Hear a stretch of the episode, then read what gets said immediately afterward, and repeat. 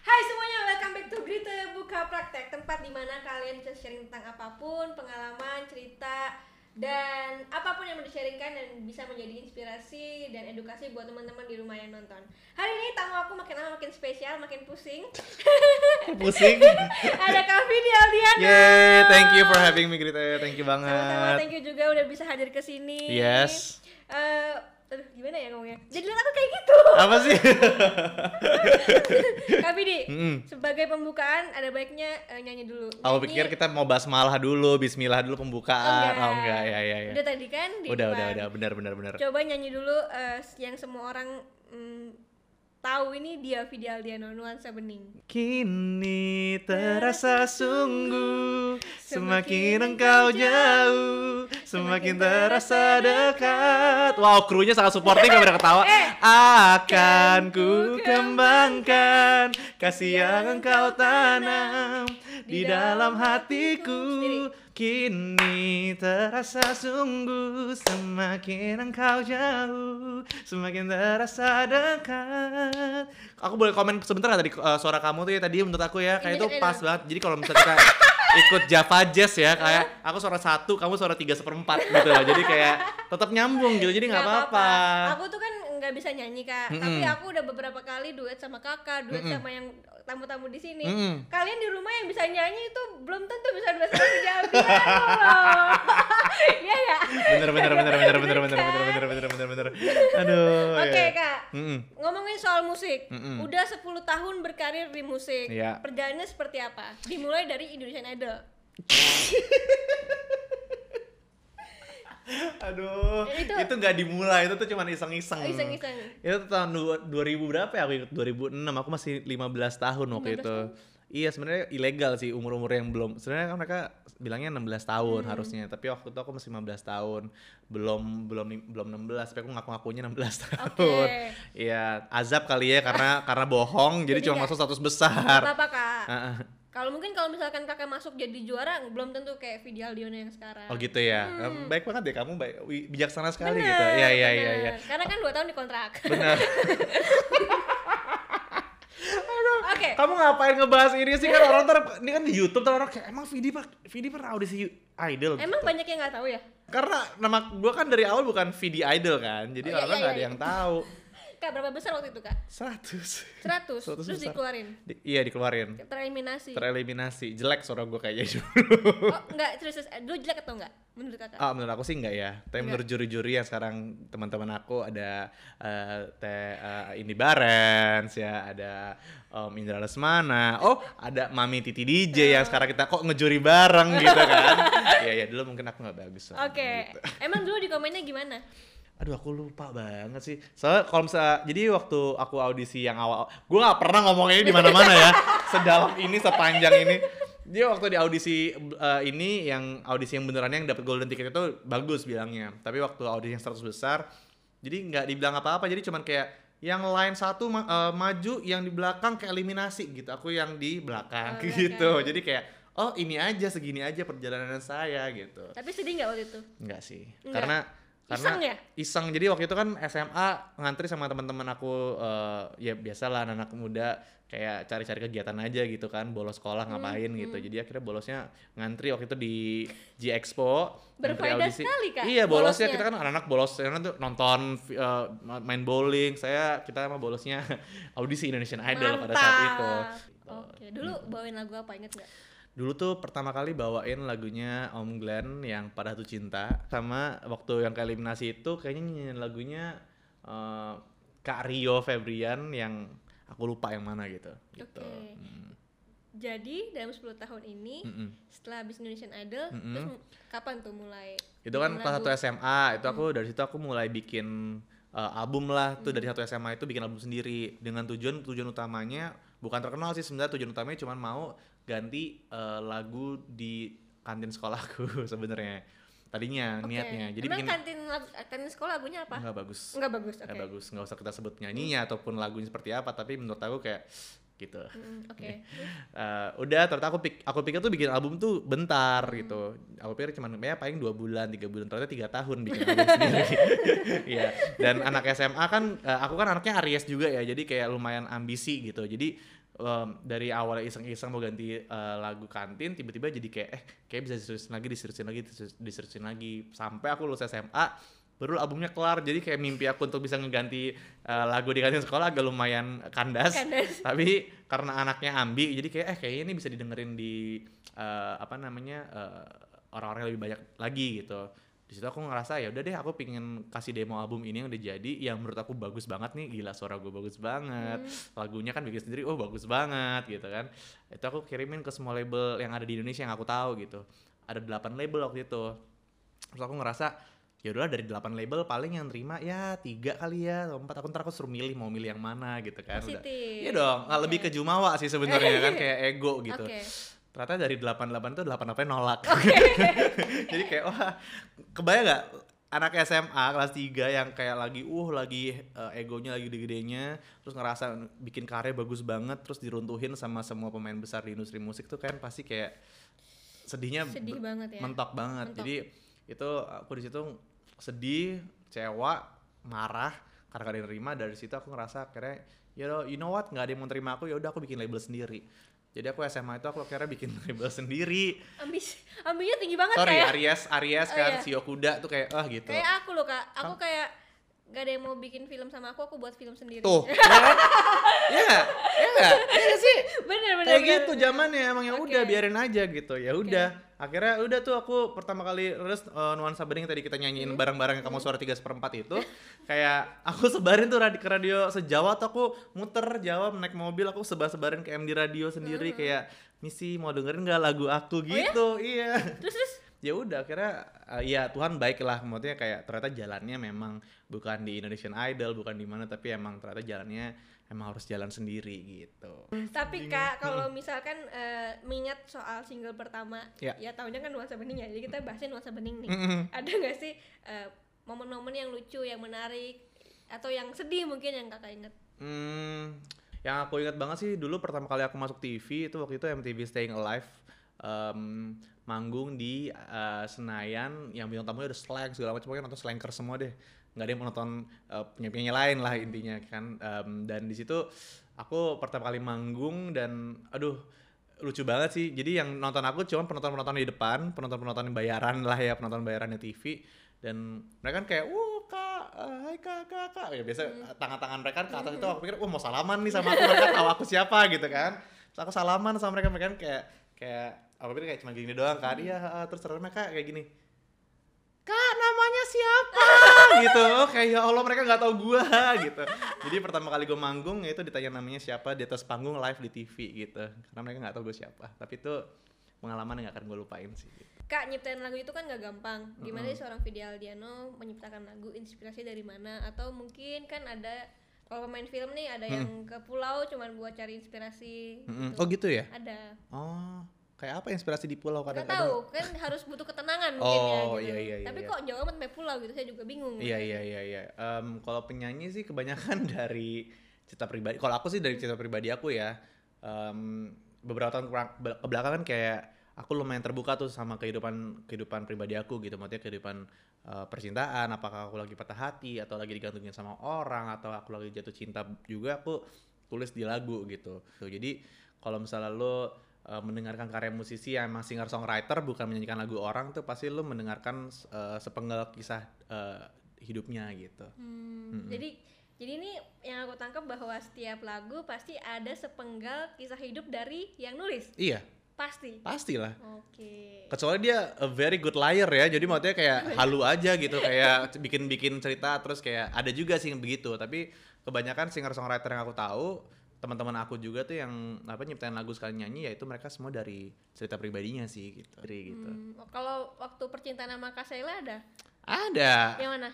ada waktu itu aku putus waktu itu sempat eh, apa namanya nyiptain lagu judulnya tak sejalan dan tuh lagunya gini ingin bersama denganmu selamanya namun nyatanya kau dengannya harapan kini hanyalah oh harapan saja gitu.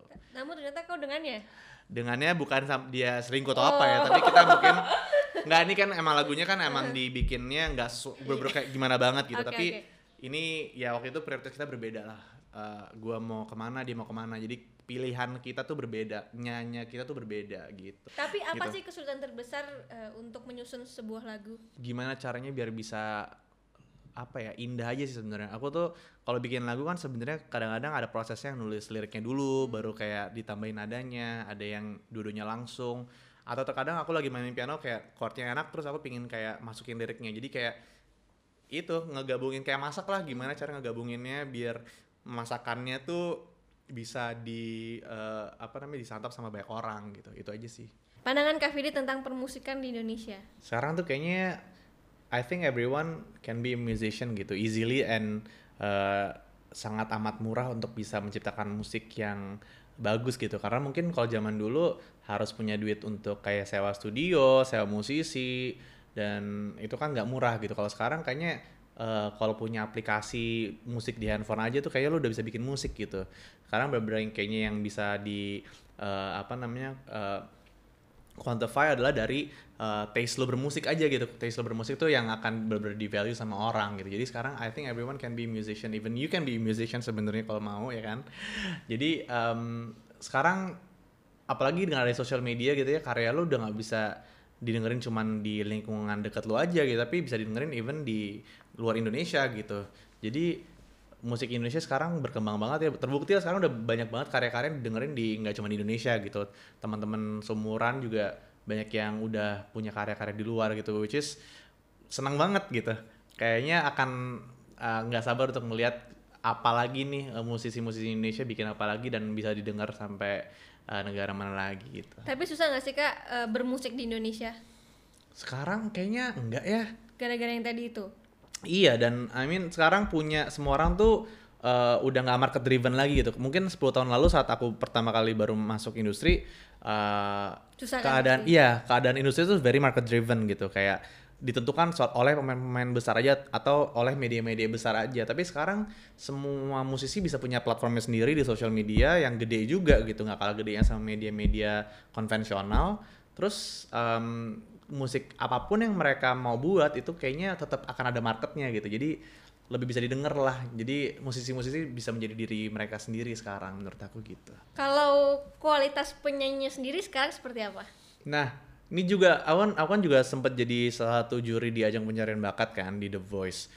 Aku ngerasa kayak um, talents are getting, getting younger gitu, kayak umur-umur 14, 15 tuh sekarang suaranya bagus-bagus banget dan referensinya luar biasa banyak gitu. So, iya talents are getting younger. Scary sih buat kita-kita yang udah existing. Jadi kayak gimana caranya biar bisa tetap sustain aja di industri gitu. Wah, nah itu gimana caranya? Wah, gimana caranya? Eh, buat aku sih kayaknya as long as kamu konsisten eh, berkarya dan jujur ya. Karena sekarang aku ngerasa sekarang karya-karya yang akan didengarkan adalah karya-karya yang jujur gitu. Jadi itu sih konsisten dalam berkarya. eh, ya dengan attitude yang bagus juga tentunya. Itu insya Allah akan lama. Menurut Kak Vidi, Hmm. suara yang bagus itu seperti apa? Suara yang bagus 3 seperempat tadi oke lah beda gitu kan kamu memilih nada-nada yang kayaknya nggak pernah dipilih sama yang lain gitu jadi kayak kamu unik sih buat aku suara yang bagus suara yang bagus buat aku apa ya pertama ya pasti ya dari pitch mereka ngerti lah gitu nggak nggak nggak nggak goyang gitu dan tapi sekarang juga nggak ada sih nggak ada kriteria suara yang gimana banget asal kamu masih bisa nyanyi dengan karakter kamu sendiri karakter kamu juga unik gitu ya malah sekarang kayaknya semakin unik karakter kamu semakin kamu bisa dibedakan sama orang lain itu malahan itu yang bisa suk- sukses gitu jadi stop trying to be others just be yourself gitu Oke. Apa arti musik bagi seorang Vidi Aldiano? musik musik itu udah kayak savior sih buat aku karena banyak banget musik menyelamatkan aku gitu aku kan emang dari kecil em, di apa namanya dibesarkan di keluarga yang support musik sebenarnya. Mamaku guru piano. Papaku tuh eh, ya bukan musisi sih tapi beliau bekerja di industri musik juga sebagai eh, orang audio sebenarnya. Jadi dari kecil aku tuh eh, ya udah diajarin musik. Aku tuh dulu anaknya introvert banget. Dari SD tuh aku gak punya temen sebenarnya. Tapi SMP tuh aku mulai mulai berani untuk ngeband dan dari musik itu aku ngerasa aku diselamatkan gitu. Aku ber- eh, bisa lebih ngobrol sama orang aku bisa punya temen akhirnya SMP dan ya sampai sekarang pun eh, aku bisa berani untuk mengekspresikan apa yang aku rasakan ke dalam musik jadi yang bikin aku sane yang bikin aku masih waras mungkin karena se- segala segala emosi yang mungkin sering aku rasakan beberapa tahun ke belakang ini semuanya aku lariin ke musik gitu jadi penyelamat aku sih Sel- Selama 10 tahun berkarya, Hmm. masih ada nggak sih yang belum kesampaian? aku masih pingin bikin kayak uh, showcase gede gitu ya Uh, masih akan ada mau intimate intimate showcase juga beberapa kota juga masih pingin aku lakukan tapi yang paling banget sih pingin punya konser besar gitu untuk merayakan uh, cerita aku selama 10 tahun terakhir lah itu Kita doakan. amin doakan Nih Kak Vili juga katanya ada eh, lagu baru, single Iya. baru. Ceritain dulu latar Hmm. belakangnya. Oke, jadi lagu ini aku buat tahun lalu saat aku em, dapat vonis dari dokter sebenarnya. Aku kan emang udah dua tahun ini struggling with sebenarnya uh, with uh, anxiety disorder. Jadi aku sering mengalami kayak anxiety attack um, dengan trigger yang kadang-kadang jelas ataupun tidak jelas. Nah, dan ternyata kemarin tahun lalu pun aku mendapat satu lagi ujian di mana aku dapat ini dapat vonis dari dokter aku ada kanker di ginjal. Nah di hari itu eh, aku itu dapat vonisnya pagi dan seharian itu aku eh, dapat episode anxiety itu. Jadi eh, setelah aku lebih tenangan aku ngerasa suara-suara di kepala tuh sepak seharian tuh banyak banget dan itu aku aku untangle satu persatu dan keluarlah nada dan lirik yang menjadi lagu bertahan lewati senja ini gitu. Jadi lagu ini aku ciptakan yaitu di hari salah satu hari tergelap aku sih sebenarnya di tahun 2019. Em, di mana hari itu rasanya udah apa pun yang aku kerjakan 10 tahun terakhir kayaknya nggak ada artinya. Kayaknya udah nggak udah nggak matters lagi gitu loh. Dan kayaknya semua aku waktu itu ada masalah sama beberapa teman aku aku punya aku lagi ada yang marah sama aku tuh rasanya sekarang udah nggak penting lagi. Semua masalah-masalah itu menjadi sangat amat kecil. Karena di situ aku ngerasa kayak oh ini udah masalah hidup atau mati gitu loh sebenarnya. Jadi itu lagu itu keluar di malam hari saat aku sudah lumayan tenangan dan aku bikin lagunya ini ada beberapa fase lah. Kalau kamu perhatiin di lagu ini eh, tek, apa konteks lagunya tuh eh, apa bentuk lagunya itu aku bikin fase pertama tuh fase lumayan gelap. Awal-awal verse itu tuh aku bikin kayak emang fase gelap pertama aku ngerasa anxiety itu. Lalu di ref aku bikin kayak sedikit harapan tapi habis itu di bridge aku agak lumayan gelap lagi ngerasa down lagi. Tapi yang menyelamatkan aku adalah keluarga aku dan memori-memori aku di masa kecil. Jadi di post bridge aku udah kayak bikin satu tribute untuk keluarga aku di mana aku bilang kayak waktu kecil dunia tuh terasa sempurna rumah tempat aman terus teman-teman tempat bersandar. Itu yang menyelamatkan aku pada hari itu karena aku ngerasa support dari mereka doa dari mereka yang selama ini menguatkan aku yang bikin aku survive melawan senja melawan senja itu means melawan hari gelap aku gitu. Jadi itu em, aku pingin bikin lagunya ini sebenarnya itu tadinya untuk self reminder buat diri aku sendiri bahwa apa pun ujian yang diberikan sama Tuhan aku harus percaya bahwa aku bisa ngelewat itu semua gitu. Tuhan nggak mungkin ngasih ujian yang nggak mungkin hambanya nggak bisa lewatin gitu. Terkadang kita lupa sama sama itu gitu. Ya hopefully lah lagu ini bisa menjadi penguat dan menjadi pelita buat orang-orang yang membutuhkan di hari gelapnya mereka juga gitu. Wow. Lancar banget ngomongnya barusan. Kayak kayak latihan gitu barusan. Gitu. Oke, jadi eh, ini dia. Bertahan, bertahan lewati senja. Lewati senja. Vidi Aldiano.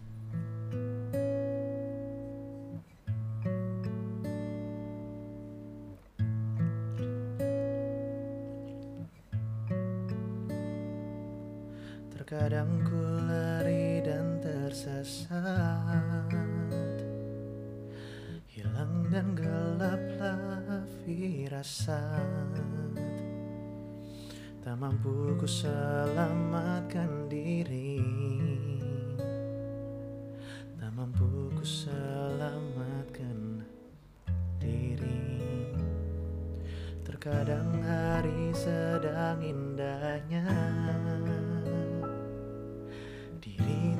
dapat melihatnya.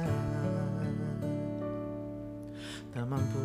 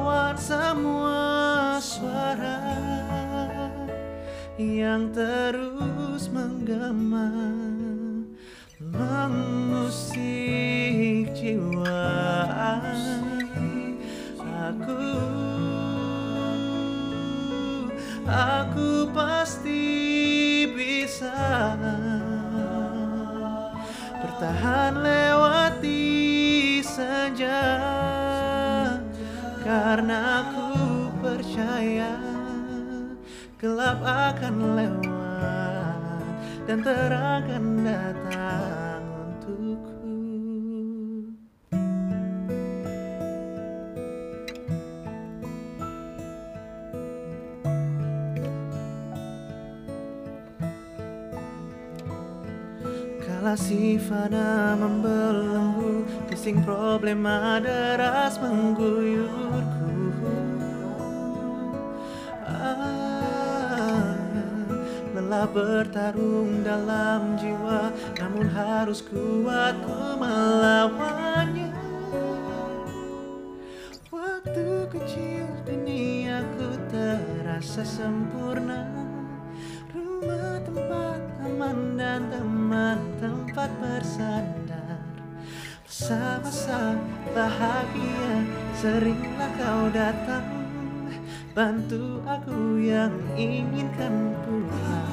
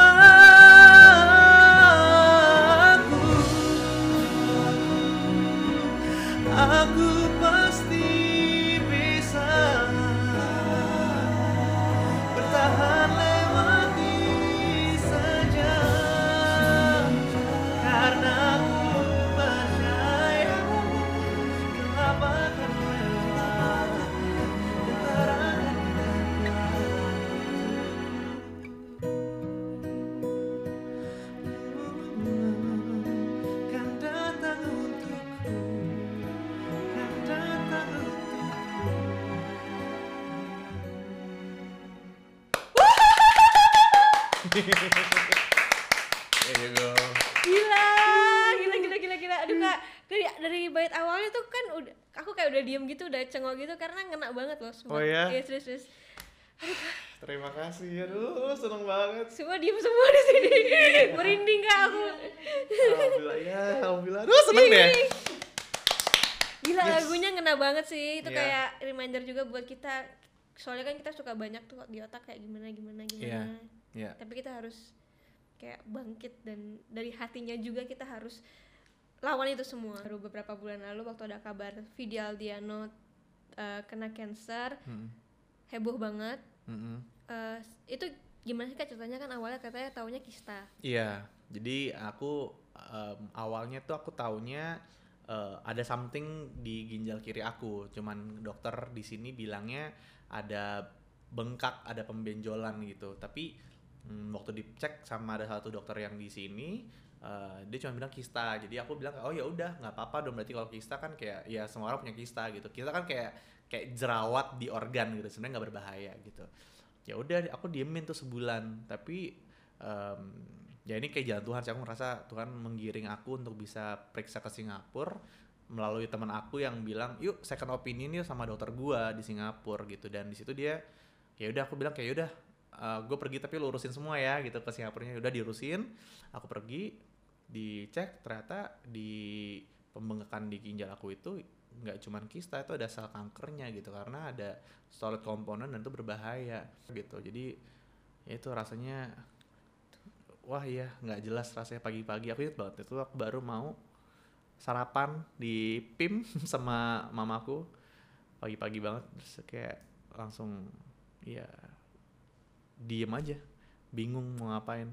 Tapi makin ke sini aku makin ngerasa oh Tuhan ternyata emang punya jalannya aja untuk ngasih peringatan ke hambanya dan aku ngerasa aku masih disayang berarti masih dikasih eh, kasih sayang gitu masih dikasih masih di eh yuk sayangin badan gitu yuk sayangin diri lu sendiri gitu Tapi sebenarnya terjawab nggak sih kak eh, kenapa kakak bisa dapat cancer itu?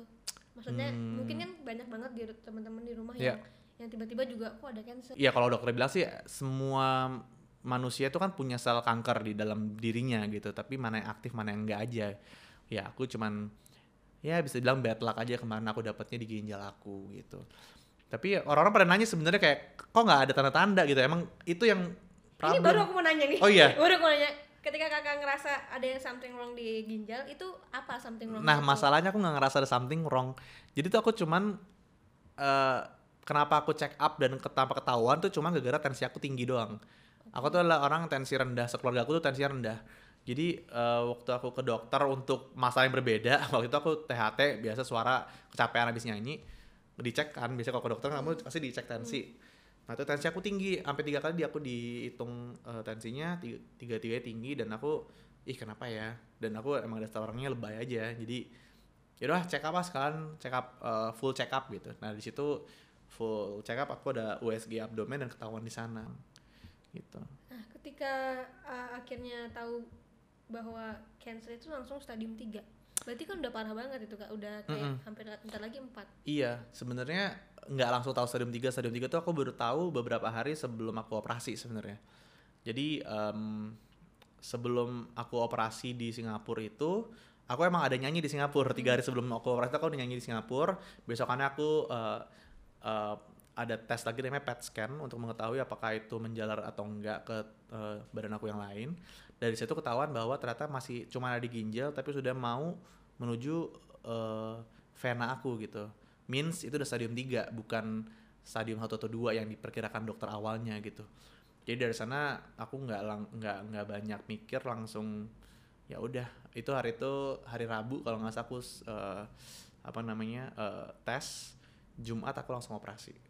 Jadi kalau misalnya masih stadium 1 atau 2 itu masih ada kemungkinan options untuk kayak lu ambil cuman si cancer cell-nya aja di ginjal lo gitu. Tapi ini udah stadium hampir stadium 4 gitu. Jadi eh, emang keputusan paling baik dan paling safe adalah untuk ambil satu ginjal aku gitu. Jadi sekarang hidup dengan satu ginjal. Bedanya? Sekarang sih bedanya mungkin karena masih ini kan belum baru dua bulan ya. Em, stamina aja sekarang masih nggak terlalu eh, maksimal gitu ya. Cepet nga- ngantuk atau mungkin karena aku udah tua aja kali ya. Nggak, tapi ini kayak stamina stamina belum pulih. Tapi kata dokter sih harusnya nantinya sih insya Allah aman-aman aja karena ternyata banyak orang yang sudah hidup dengan satu ginjal. Pasti, pasti, pasti kita doain. Saat divonis cancer, pasti kan ada nggak sih momen give up? Oh banget, banget ada lah. Maksudnya apalagi waktu dibilang stadium 3 ya, kayak itu udah rasanya ya udah udah udah siap untuk eh, siap ya untuk yang terburuk lah gitu. Em, tapi di situ kayak ngerasa menemukan malahan di hari paling buruk aku itu di mana aku keluar pet eh, sebelum pet scan waktu itu aku inget banget itu sebelum pet scan tuh aku nggak tahu apakah nih cancer sudah menyebar di tempat lain atau enggak kan jadi kalau misalnya itu udah menyebar tempat lain tuh aku udah kayak ngerasa oh damn aku nggak bisa ya maksudnya ceritanya akan berbeda lah gitu dari sekarang. Yang aku inget banget ya itu aku semu hari itu tuh aku ya rasanya udah pamit gitu udah kayak minta maaf sama papa sama mama sama adik-adik aku. Karena kan di meja operasi kan lo nggak pernah tahu apa apa yang akan terjadi gitu. Momen itu ini gue inget sekarang aja kayak jadi hah, berat gitu sebenarnya. Kayak gue nggak nyangka bahwa di umur gue yang masih 29 ini akan ada momen kayak gitu gitu. It's not it's not something that I would imagine gitu loh. Untuk kayak lo pamit ke orang-orang yang lo sayang gitu kayak terus lo pamit habis itu lo pergi ke op- meja operasi sendirian sendirian gitu kayak nggak bisa ditemenin siapa pun gitu. Itu nggak enak banget sih rasanya. Tapi ya itulah alhamdulillah alhamdulillah banget gue bisa buka mata eh, empat jam setelah itu dan ya itu pertama kali yang gue adalah semua orang-orang yang tadi gue udah pamitin. Jadi gue ngerasa kayak wah Tuhan masih baik. Tuhan masih baik dan gue dikasih kesempatan kedua lah gitu. Means ya udah dari hari kemarin gue udah berjanji sama diri gue sendiri bahwa gue akan benar-benar memaksimalkan apa pun yang bisa gue kerjakan di dunia ini gitu. Karena gila life is too short. Bener-bener gue ngerasa reminder sekarang setiap hari ya. Ini sekarang dengan satu organ hilang ini gue ngerasa setiap hari gue diingatkan bahwa hidup tuh lo gak akan pernah tahu lah gitu. Lo gak akan pernah tahu sampai kapan gitu ada di dunia ini gitu. Dari kemarin tuh gue ngerasa kayak aduh tujuan gue tuh cuman yang penting kayak uh, karir karir karir karir mengumpulkan pundi-pundi untuk bisa ngerasain. Tapi kayak kalau misalnya lo nggak sehat itu percuma gitu. Kayak nggak ada nggak ada artinya gitu. Ya udah karena akhirnya gue ngerasa kayak I have to full apa memaksimalkan hari-hari gue dengan orang-orang yang gue sayangin memang dan make sure untuk semua kegiatan-kegiatan gue tuh punya impact nggak cuma buat diri gue sendiri tapi buat sekeliling gue. Dengan ginjal satu ada pantangan-pantangan nggak sih dari dokter? Uh, dokter Singapura sih nggak bilang ada pantangan apa apa ya, maksudnya pantang tuh pantang sedih, pantang susah, pantang stres itu tuh nggak boleh. Hmm. Um, tapi ya tau lah kalau misalnya ginjal kan sebenarnya fungsinya satu fungsinya adalah untuk ngeproses protein. Jadi protein yang paling berat untuk diproses itu adalah daging-daging merah gitu. Jadi sekarang gue sudah mengurangi sekali daging-daging merah gitu. Uh, iya sedih ya. Padahal gue suka banget kayak makan sapi steak. yang uh steak tuh suka banget. Apalagi daging-daging bakar Jepang gitu suka banget. Itu nggak tapi nggak apa-apa. Itu ya, yakin di Jumbo ya. Ah, uh, kalau di Jepang ya kan. aduh sekarang gue kalau ke Jepang gue nggak tahu mau makan apa gitu bisa sushi sih tapi uh, ya itu sama karena ginjal tinggal satu juga jadi kayak jangan memberatkan ginjal yang sehat gitu means sekarang minum minuman cuman boleh minum air putih sama sekali nggak boleh yang lain iya jadi kayak kopi udah nggak boleh teh juga nggak disarankan dan gue nggak cuman ginjal masalah gue juga ada GERD di lambung jadi kayak asam lambung jadi kayak minuman kayak susu segala macam juga sebenarnya kayak Nah gitu. Jadi sekarang udah minumnya cheers, air putih saja. Beberapa waktu lalu katanya setelah operasi mm -mm. Itu katanya pas balik ke panggung sangat-sangat nervous. Iya, karena sebenarnya balik di panggung ke panggung itu baliknya tuh nggak cuma kembali nyanyi tapi itu pertama kalinya lagi nyanyiin lagu yang tadi aku nyanyiin nyanyiin lagu bertahan lewat senja. Soalnya itu pertama kali aku manggung di TV itu tuh tanggal 21 Februari kemarin di mana tanggal 21 Februari itu juga hari hari aku rilis pertama kali bertanda di senja. Jadi sebenarnya untuk nyiptain lagu ini kan gampang ya hmm. tapi ternyata untuk menyanyikan kembali lagu ini itu kan means aku harus menceritakan cerita pribadi aku dan didengar sama banyak orang gitu kalau kayak gini nyanyi nggak apa-apa nih aku ngerasa kayak yang denger kamu gitu tapi kalau aja denger banyak tau bener bener, bener. tapi di sininya kan maksudnya okay. aku lihat okay. jadi kan yang yang nonton di rumah kan nggak kelihatan sama aku tapi kemarin tuh di panggung yang nonton banyak banget dan itu bikin aku nervous karena aku harus bisa vulnerable di depan banyak orang yang untuk pertama kali mereka dengerin cerita aku. Jadi itu sih yang bikin aku deg-degan dan emosional sebenarnya. Tapi akhirnya berhasil. Ngerasa berhasil gak waktu itu? Uh, ngerasa berhasil menyelesaikan lagunya tapi gagal untuk nggak emosional. Aku akhirnya nangis. Kemarin itu abis nyanyi aku nangis karena uh, di saat aku lagi nyanyi dari depan tuh aku udah aku udah kayak lumayan emosional. Dan penonton di sana pada saat aku nyanyi tuh mereka supportive banget. Bener, -bener kayak uh, teriak-teriak yang kayak kak semangat kak Vidi semangat semangat semangat. Itu pertama kali aku nangis di TV kayaknya aku tuh malu banget sih sebenarnya tapi ya itulah mereka penonton itu baik banget baik banget. Terima kasih Kak Vidi datang ke sini. Sama-sama. Untuk segala edukasi inspirasi dan juga motivasinya. Thank you sudah dikasih platform untuk bisa sharing juga. Yeay. Luar biasa berkah semoga teman-teman di rumah nonton juga uh, bisa dapat inspirasi dan juga motivasi dari apa yang tadi kita udah obrolin. Aduh, amin, amin, amin. Bisa tetap semangat dalam hidupnya yang lagi punya hari gelap percaya bahwa akan ada hari terang. yang terang. Amin. Ini tanggal 9 Maret, mm -hmm. hari ulang tahun saya setiap tahun. Bohong gak sih kamu 9 Maret? Musik nasional. Oh iya. Iya. Happy birthday kan udah bilang loh. oh dirayakan sama kamu tuh jadi musisi loh berarti iya, denger loh. Kok bisa nggak jadi musisi Makanya, ya? Makanya, ntar deh tahun depan kayaknya. Oh, tahun depan mau jadi musisi ya? Hmm. Bisa kok sekarang kan ada auto tune, ada apa? Bisa kamu jadi penyanyi? nah, hari ini yeah. hari musik nasional. Mm -hmm. Kami di sebagai seorang musisi. Mm. Mau ngucapin apa buat semua musisi? Pokoknya um, selamat hari musik nasional dulu pertama buat seluruh uh, musisi dan pendengar musik Indonesia.